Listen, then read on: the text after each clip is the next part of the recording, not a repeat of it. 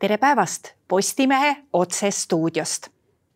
kuigi Terviseameti statistika näitab, et meil on koroonaviiruse tõttu haiglates kusagil paarsada inimest, ei ole sellel sügisel meile erilisi reegleid ega piiranguid kehtestatud. meil on stuudios Terviseameti peadirektori asetäitja Marianne Härma, tere päevast. tere päevast.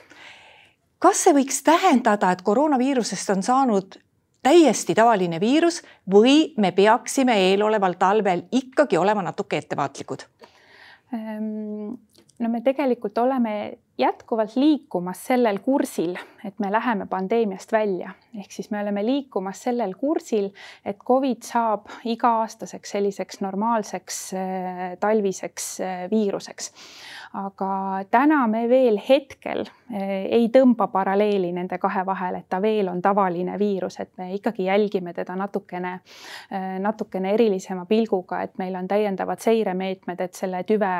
alamtüvesid vaadata, vaatame, mis maailmas maailmas toimub, et, et hetkel veel on vara hõisata, et, et nüüd on kõik läbi, aga vähemalt see kurss, millel me liigume, on üsna selgelt ikkagi pandeemiast väljaliikumise kurss, et meil praegu ei ole mingisuguseid eh, ohumärke, mis näitaks, et viirus võiks praegu kuidagi nagu halvema, eh, halvemaks muutuda, et pigem ikkagi nagu lähevad asjad eh, paremuse paremuse poole. mida see pilt eh, terves maailmas näitab, et see viiruse variant, mis seal praegu liikumas on, on ikkagi selline leebem ja teisalt me teame tema kohta päris palju noh, praegu see omikron tüvi, no miks me ta kohta ka ütleme leebem, ongi peaasjalikult sellepärast, et meil kõigil on juba immuunkaitse all. Ja kui me oleme juba kas vaktsineeritud või läbi põdenud, siis iga järgmine selline nakatumine peaks iseenesest kaasa tulema, tooma natuke kergema läbipõdemise, nii et me näemegi väga palju seda, et inimesed, kellel on juba kokkupuude viirusega varasemalt olnud, nakatuvad uuesti ja seetõttu tekibki selline nagu kerge läbipõdemise pilt. Ja neid inimesi, kes ei ole selle viirusega veel üldse kokku puutunud, neid on juba jäänud nii väheks, mistõttu neid, kes ka haiglaravile satub, kes haiglaravi vajavad, neid jääb ka järjest vähemaks ja vähemaks. et äh, vaikselt sinna suunas, et mida rohkem inimesi siis vaktsineerivad ja läbi põevad, seda kergemini nad siis tulevikus selle viirusega kokku puutudes siis seda läbi põevad. kuidas meil praegu see testimine on, et nüüd, kui inimene tunneb, et tal on nohu ja võib-olla kerge palavik, et kas testima peaks? No kodus antigeeni kiirtest on selline enda südame rahustuseks, et noh, tegelikult eh, noh, mida kiputakse juba eh, ära unustama hakkama, ongi see, et, et tekivad mingisugused haigusnähud ja esimese asjana tormatakse kohe tööle, et tegelikult täna ikkagi jätkuvalt, kui mingid haigusnähud tekivad, siis esimesed päevad tasuks ikkagi kodus olla ja lasta selle viiruse see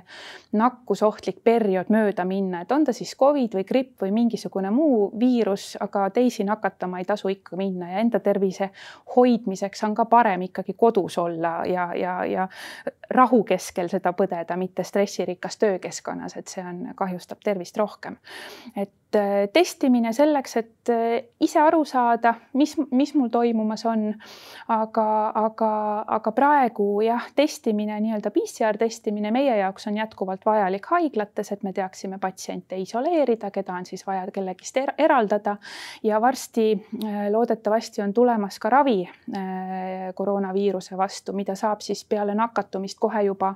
apteegist, apteegist osta, kui arst on selleks andnud saatekirja, seda ravi veel Eestis ei ole, aga loodetavasti lähiajal ta ka jõuab. ja, ja noh, siis äh, võib ka olla, et enne selle ravi väljakirjutamist on siis mingisugune testimine vajalik. Äh, päris täpselt veel ei tea, aga, aga noh, siis võib ka olla see moment, kus testimine võib olla jälle vajalik. kuidas selle vaktsineerimisega praegu on? ma saan aru, et meil on praegu käimas mingisugune noh, meil on praegu nagu sellised reeglid, viimati välja öeldud reeglid, et selle neljanda tõhustusdoosi peaksid tegema riskigrupi inimesed ja selle neljanda tõhustusdoosi peaks tegema siis, kui pool aastat on möödas kas põdemisest või siis eelmisest vaktsineerimisest. et kas see kehtib täna? ja ikka kehtib, ega neljandat doosi võivad tegelikult kõik teha, ka minul on neljas doos praegu juba tehtud. aga, aga soovitus jah, eelkõige on riskirühmadel, et väga-väga paljudel on viimane doos tehtud möödunud aasta samal ajal, kui me liikusime ka sellesse viiruste perioodi. ja, ja hea oleks, et nüüd riskirühma inimesed, kes on siin aasta tagasi vaktsineeritud, praegu läheksid ka tegema seda tõhustusdoosi, sest see aastaga ikkagi immuunsüsteem nii palju juba jõuab ära unustada seda viirust, et see uue tõhustusdoosi tegemine on vajalik, et siis meie see immuunsüsteem oleks valmis, kui,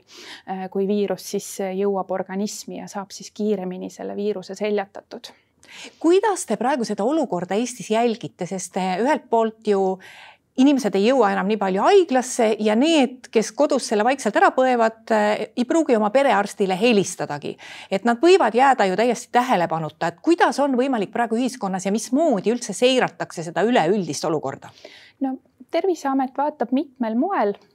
üks hea asi, mis on juba siin ka kaks aastat toimunud, on kindlasti reoveeseire, mis näitabki sellist üle-eestilist pilti, mis on toimumas siis taustal. nüüd meie jaoks ei ole niivõrd oluline enam kõiki kergete, kergeid nakatunuid üles leida, sest et see noh, ilmestabki seda viiruse loomulikku kulgu, et kui ta muutubki järjest kergemaks ja vähem märgatavaks, siis meil ei olegi tegelikult vajadust teda tuvastada. meie jaoks on praegu olulisem jälgida neid natukene raskemalt kulgevaid haigusjuhte ja seetõttu ongi äh, Sentinel seire, et äh, läbi valitud perearstikeskuste patsiendid siis, äh, kellel on tekkinud siis need äh, Covidi sellised natukene tõsisemad sümptomid, on siis kõrge palavik ja, ja köha hingamisraskused. Nendele tehakse siis seireringis see test ära ja meile tuleb siis informatsioon läbi perearstide, kes siis on kas Covidis, gripis või mingis muus levivas viiruses ja see on siis see põhiline, kuidas praegu me seda olukorda hin hindame. aga loomulikult jätkuvalt on haiglate olukord oluline vaadata, et mis kas on äh, Covidi tõttu haiglasse sattujad või, või Covidiga kaasnevad haiglasse sattuvad, kas need haiglasse sattuvad inimesed vajavad intensiivravi või, äh, või juhitavat hingamist, et nende see raskusaste on oluline, aga see informatsioon tuleb juba siis haiglatest eraldi. et äh, mitmed erinevad moodused, kuidas me olukorda vaatame, sekveneerime ka tüvesid, et see annab siis kokku sellise pildi ja selle kindluse, et mis kursil me siis jätkuvalt oleme kuidas seal haiglates olukord on, kas võib öelda, et üldiselt inimesed enam koroonasse ei sure? Äh, surevad ikka. Ja, ja siin ongi tegelikult see olulisus, miks just vanemaealised ja riskirühma inimesed peaksid astuma ekstra samme, et ennast viiruse vastu kaitsma, kaitsta ja teha ka see tõhustusdoos ära. et äh, seda me näeme ikka, et vanemaealistele riskirühma inimestele see haigus on surmav. Ja, ja, ja, ja eriti nendele, kellel ei ole seda immuunkaitset seal all, nii et see on kindlasti, seda tasub teha, see vaktsineerimine tasub ära teha et see, et me Terviseameti poole pealt näeme, et haiglad tulevad selle koormusega toime, on nii-öelda riigi vaade, aga inimesepoolne vaade, et kuidas tema sellest haigusest välja tuleb, see on inimese enda kätes ja selle vastu ta saab teha nii mõndagi. kindlasti üks on see, et hoiduda teistest te,, teistest inimestest, kes on haigussümptomitega, mitte ronida väga rahvarikastesse kohtadesse, kui on tipptund näiteks, et käia poes äh, rahulikumatel aegadel ja, ja, ja, ja kindlasti see vaktsineerimine, see annab kaitse, et kui selle viirusega kokku puututakse, et siis see läbipõdemine ei ole vähemalt nii raske. Nii et see reegel, et kui sul on nohu ja sa pead minema vanaemale külla, siis kas ära mine või vähemalt testi ennast kindlasti, et see reegel kehtib kui on mingid haigussümptomid, siis vanaemale külla ei tasu minna, vähemalt sellel nakkusohtlikul perioodil. et kui see nakkusohtlik periood on juba mööda läinud, noh ikka jätkuvalt mingi köha-nohu sümptomid on, et siis juba võib, aga sellel esimesel nakkusohtlikul perioodil ikkagi ei tasu minna, sellepärast et on ka teised viirused, mis just vanemaealistele inimestele eh, lõpevad halvasti. gripp on üks nendest kindlasti, et, et isegi kui see Covid test tuleb negatiivne, siis eh, ei maksa minna, minna minna haigussümptomitega ei vanaemale külla ega tööle, kui, kui töö iseloom on selline, kus puututakse riskirühmadega kokku, et see kindlasti see soovitus jätkuvalt on, nii peab tegema mis sellest koroonapassist nüüd saab, et kas selle võib oma telefonist rahumeeli ära kustutada? no minul ta on näiteks telefonis olemas, sellepärast et kui ma pean reisima, minema reisile näiteks noh, välisriikidesse, siis mõned riigid ikkagi jätkuvalt küsivad ja tahavad näha ja võib-olla ka kui see riik ise ei taha näha, siis seal riigis toimuv konverentsipidaja seda, seda passi nõuab, nii et, et eks siin inimesed nüüd peavad teadma, et kellel, kellel on mingisugust reisimist ette näha, siis tasub see pass ikka alles hoida. Eesti-siseseks kasutamiseks me praegu ei näe, et see vajalik võiks olla et et aga, aga päris kasutada ka ei ole. et kui on tehtud see tõhustusdoos, siis on ikkagi mõttekas see uus versioon endale alla laadida? jah, ikka. Kui nüüd rääkida sellest gripist, mida te olete juba mitmel korral nimetanud ja mille puhul ka mõned perearstid on öelnud, et ta on meil eriti karm sellel aastal äh, tulemas. kust te teate, et või kas see on teada üldiselt, et sellel aastal tuleb karm gripiaasta? noh, siin on äh, mitu asja, miks, äh, miks arvatakse, et see karm gripiaasta võib tulla, et üks on see, et meil juba mitu aastat on sisuliselt gripihooaeg vahele jäänud, sellepärast et noh, arvatakse, et kõik need meetmed, mida me Covidi vastu oleme kasutanud, see distantsi hoidmine, kodus püsimine, et kui see aitab Covidit vähendada, siis grippi aitab ta kohe kindlasti vähendada, sest gripp levib natukene halvemini kui Covid viirus et üks on see põhjus, et me oleme lihtsalt nagu nii hästi hoidnud oma ühiskonda ja vältinud seda nakatamist, et gripil ei ole olnud hea levida. mis tähendab omakorda, et inimestel on immuunsus langenud, et kuigi on need, kes iga aasta gripivaktsiini teevad, siis ka need, kes iga aasta kokku puutuvad viirusega ja loomulikult selle immuunsuse omandavad, nende osakaal on jälle vähenenud, mis tähendab, et kui gripp nüüd uuesti tuleb, eh, noh, sest et me Covidiga enam ei, ei, eh, ei jälgi neid Äh, meetmeid nii palju, et siis ta juba jõuab ka rohkemate inimesteni levida. ja teine põhjus, miks arvatakse, et tuleb raske, et meie seda gripi prognoosi eelduseks on alati see, et me vaatame, mis lõunapoolkeral toimub, et kui lõunapoolkeral hakkab gripp intensiivselt levima, siis me võime oodata, et ka äh, kui gripihooaeg meile jõuab, siis hakkab ka meil ta levima. eelmistel aastatel samamoodi lõunapoolkeral midagi ei toimunud, meie ennustasime, et ka põhjas siis midagi toimuma ei hakka. praegu on näha, et lõunapoolkeral justkui see gripp väga intensiivselt levib, mis annab siis aluse arvata, et nüüd võiks ta ka siis siin Eestis see gripihooaeg natukene intensiivsem tulla. kas meil juhtumeid on juba gripijuhtumeid? ja on iga nädal ja vaikselt see gripijuhtumite arv on ka kasvamas aga noh, ma ise tahaks loota, et, et me kõiki neid meetmeid ikkagi ära unustanud ei ole, et kui inimesed on haigussümptomitega, siis nad ikkagi jäävad koju, mitte ei lähe viirust levitama, nii et natukene ikkagi tahaks näha paranemist võrreldes siis Covid-eelse ajaga gripi levikus. muide, praegu ikkagi mõned ürituste korraldajad jätkuvalt oma kodulehtedel hoiavad seda hoiatust, et eh, mask on vajalik enda kaitsmiseks, et see mask ei ole päriselt siis päevakorrast maas Um, nii ja naa, eks me maski kandmist ju näeme vähem, eks ole, et kui ei ole tugevaid sõnumeid, et nüüd on aeg maski kanda, et ega siis väga maski ju ei kanta, aga aga arvestama sellega peab, et noh, nagu ma ütlesingi, et inimesed kipuvad juba ära unustama seda, et haigussümptomitega tuleb koju jääda ja minnakse rohkem kaubanduskeskusesse ja tööle ja mujale, eks ole, aga kui maski kandmist ka ei ole, siis need inimesed, kes on nakkusohtlikud, saavad oma nakkust paremini levitada. nii et kui on mingisugusedki haigussümptomid ja ei ole võimalik koju jääda, ikkagi peab sinna poodi minema, siis haigussümptomitega inimene peaks selle maski ette panema. lihtsalt selleks, et mitte teisi nakatada. ja loomulikult riskirühma inimesed, kes muretsevad selle pärast, et nad ikkagi võivad selle viiruse külge saada kuskil äh, bussis või mujal, tasub see mask ette panna, sest et see on lisakaitse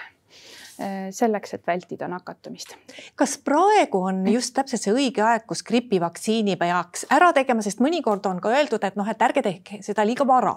et äh, siis, kui gripi kõrghooaeg saabub kusagil märtsis-aprillis, siis äkki seda kaitset ei olegi. aga kas see novembrikuu, mis meil täna käes on, on nüüd ikkagi selline aeg, kui kui sa praegu teed vaktsiini ära, siis see tõenäoliselt see kaitse on sul hooaja lõpuni. praegu on täpselt õige aeg teha, et äh, grippi veel piisavalt palju ei ole, et olla veel äh, väga palju ohustatud sellest, aga, aga vaktsiin on kättesaadav. Äh, perearstid on valmis vaktsineerima ja, ja, ja, ja, ja see toime ka väga ilusti kestab praegu kevadeni välja, nii et praegu on õige aeg minna gripi vastu vaktsineerida. ja loomulikult, kellel on ka Covid tõhustusdoos tegema, tegemata, võib selle ka kohe sinna otsa teha, et grippi ja Covidit võib koos vaktsineerida. sealt ei pea kartma, et need kõrvaltoimed oleksid siis kuidagi topelt tugevamad või raskemad. Need võib rahusüdamega koos teha, see kõrvaltoimed on ikka samasugused nagu emma-kumma vaktsiiniga, et, et siin mingisugust tõsisemat, tõsisemat valu kätte või, või, või, või palavikku selle tõttu ei teki. ja sama kehtib ka vanemaealistele inimestele ikkagi, kes ka tunnevad või muretsevad selle pärast, et tervis on nüüd nii habras, et kas ikka tasub teha kaks vaktsiini korraga, et tasub küll, et meie organism suudab palju-palju-palju rohkem eh, taluda kui see, kui see pisikene vaktsiin, nii et kaks vaktsiini korraga teha ei ole ka mingi probleem, nii et tasub mõlemad praegu ära teha. aga seal on vist see väike nipp, et kui korraga, siis korraga, aga mitte nii, et ühel päeval üks ja teisel päeval teine, et kui samas, et kui sa korraga ei tee, siis tuleb juba pikem vahe jätta pikemat vahet otseselt jätta ei pea, aga siis vist tehakse ka niimoodi, et üks ühte kätte ja teine teise kätte, et seal on mingisugused teistmoodi asjad, kuidas tehakse, aga, aga üldiselt neid võib teha koos, et see ei, ei, ei tähenda, et nüüd peab jätma mingisuguse kaks nädalat või kuu aja sinna vahele, et tasub arstiga rääkida me rääkisime haiglatest, aga mis meil koolides toimub, et seekord ju ei antud seda hoiatust, et noh, et vaadake, mis saab peale koolivaheaega. Ja kui kuulata seda eelnevat juttu, mis te rääkisite, siis ega ei ole ju ka põhjust, et ei ole ju põhjust enam öelda vanematele, et noh, et ärge minge koolivaheajal reisima. et äh, tõenäoliselt ikkagi võib minna reisima, kui sa tahad reisida kas te olete praegu kõrgendatud valmisolekus, et kui lapsed tulid nüüd kooli tagasi esmaspäeval, et mis siis saab või ei ole selleks valmisolekuks enam üldse põhjust? me praegu kuidagi eriti kõrgendatud valmisolekus ei ole. me nägime, mis toimus äh, septembris, siis kui lapsed koolivaheajalt tulid, jah, tõepoolest haigestumine kasvas, äh, sellega kaasnes haigestumise kasv äh, ja siis see jälle hakkas langema siin niimoodi kuue-seitsme nädala pärast, et selline haigestumise siis see mügarik käis ära. noh, tõenäoliselt tuleb midagi sarnast praegu, aga haiglaravi vaates ma ütlen, et senikaua, kuni meie näeme, et tervishoiusüsteemi koormus on ikkagi talutav ja selline normi piiris, siis mingisuguseid erilisi tegevusi ei, ei, ei rakendata, et soovid kooli, soovitused koolidesse on ikka seesama, et, et koolid veenduksid, et lapsevanematel oleks kodus mingisugune väike ports teste. kui lapsel on haigussümptomid, siis tasub ennast ära testida ja, ja, ja üldiselt ikkagi, kui on see viirusohtlik periood või nakkusohtlik periood, et siis laps, las laps olla siis need paar päeva kodus. et et soovitused on samad, mis olid septembris ja, ja, ja, ja eks me nii läheme, et peame vaatama, kuidas ühiskond tuleb toime, kuidas meie süsteem tuleb toime selle viiruse nii-öelda vabalt levimisega no kui meil ka enne koroonaperioodi olid ikka olemas vaktsiinivastased ja teatavates gruppides, noh, eriti mis puudutas laste vaktsineerimist, ikkagi olid erinevad seisukohad, siis kogu see koroonaperiood on toonud kõik need eriarvamused hästi-hästi teravalt välja kui murelikuks see teeb teid, et kui suure tagasilöögi see võib anda, et noh, et need, kes pidasid vajalikuks olla vastu koroonavaktsiinile, tõenäoliselt peavad vajalikuks olla vastu ka gripivaktsiinile ja ka kõigile teistele vaktsineerimistele no eks ta ikka teeb murelikuks, et selline usk teaduspõhisesse meditsiini eh, lööb, lööb kõikuma ja, ja kui sellist infot levitakse, levitatakse ja me kogu aeg oleme selle nii-öelda valeinfo sees, et ta ju ikka hakkab külge ja tekitab hirmusid ja muresid, et, et Ähm, eks vaktsine-, Covid vaktsineerimine kindlasti oli üks, mis kannatas selle tõttu, et, et valeinfot ja seda, seda äh, hirmu nii-öelda levitati. Äh, eks me oleme ka enne Covidit tegelikult näinud, et selline internetis leviv propaganda mõjutab ka laste vaktsineerimisotsuseid, et, et siis lapsi vaktsineeritakse vähem. aga sellel jälle omakorda on tõsised tagajärjed, kui need eriti ohtlikud nakkushaigused, mida, mida siin me ei ole juba aastakümneid näinud Eesti pinnal, pinnal hakkavad uuesti äh, pead tõstma, et siis jälle väikelaste elud satuvad ohtu, et, et loomulikult teeb murelikuks no kui siiani oli olukord hull, siis Teadusnõukoda oli ikkagi see, kes nõustas ka valitsust ja andis äh, nõu, et kuidas siis ühes või teises äh, olukorras parasjagu toimida. kas Teadusnõukoda käib veel koos ja kas valitsus praegu sellist nõu vajab, et võib-olla nüüd võib ju hoopis lihtsamalt võtta seda ja nagu sel eraldi ei pea iga nädal neile ütlema, et tehke nüüd nii või tehke nüüd naa või et olge nüüd täitsa mureta, et mida te teete teadusnõukojas praegu, käite üldse koos? no eh, mina ei ole teadusnõukoja liige, see on küsimus teadusnõukojale, et, et mida nad, mida nad teevad ja ka tihti koos käivad. Eh, kohtumised seal, kuhu on ka Terviseamet kaasatud, on toimunud tavaliselt esmaspäeviti ja, ja seal arutatakse eri erinevaid, erinevaid Covid viiruse rindel toimuvaid küsimusi just selleks, et olla paar sammu ees, et mis võib juhtuma hakata, et, et, et stsenaariumid oma peas läbi mängida valitsuselt peab küsima, kuidas nad valitsust nõustavad, et siin ei ole minu, minu öelda seda, mis nõu valitsus vajab, et, et teadusnõukoda ongi ju valitsuse jaoks kokku kutsutud ja, ja, ja seda nõu andma, et, et need küsimused on pigem ikka valitsusele, aga meie jaoks nad on äh, selles mõttes, mida rohkem inimesi, kes aitavad mõelda, mida rohkem inimesi, kes kriitiliselt vaatavad otsa sellele tegutsemisele või sellele pildile, kus me oleme, seda parem, nii et Terviseameti jaoks kindlasti väga teretulnud, et Teadusnõukoda jätkuvalt tegutseb. aitäh, Marianne Härma ühinemast meie saatega. aitäh ka kõigile neile, kes meid vaatasid nii palju veel, et meie järgmine otsesaade on eetris nüüd juba homme. seniks lugege uudiseid postimees.ee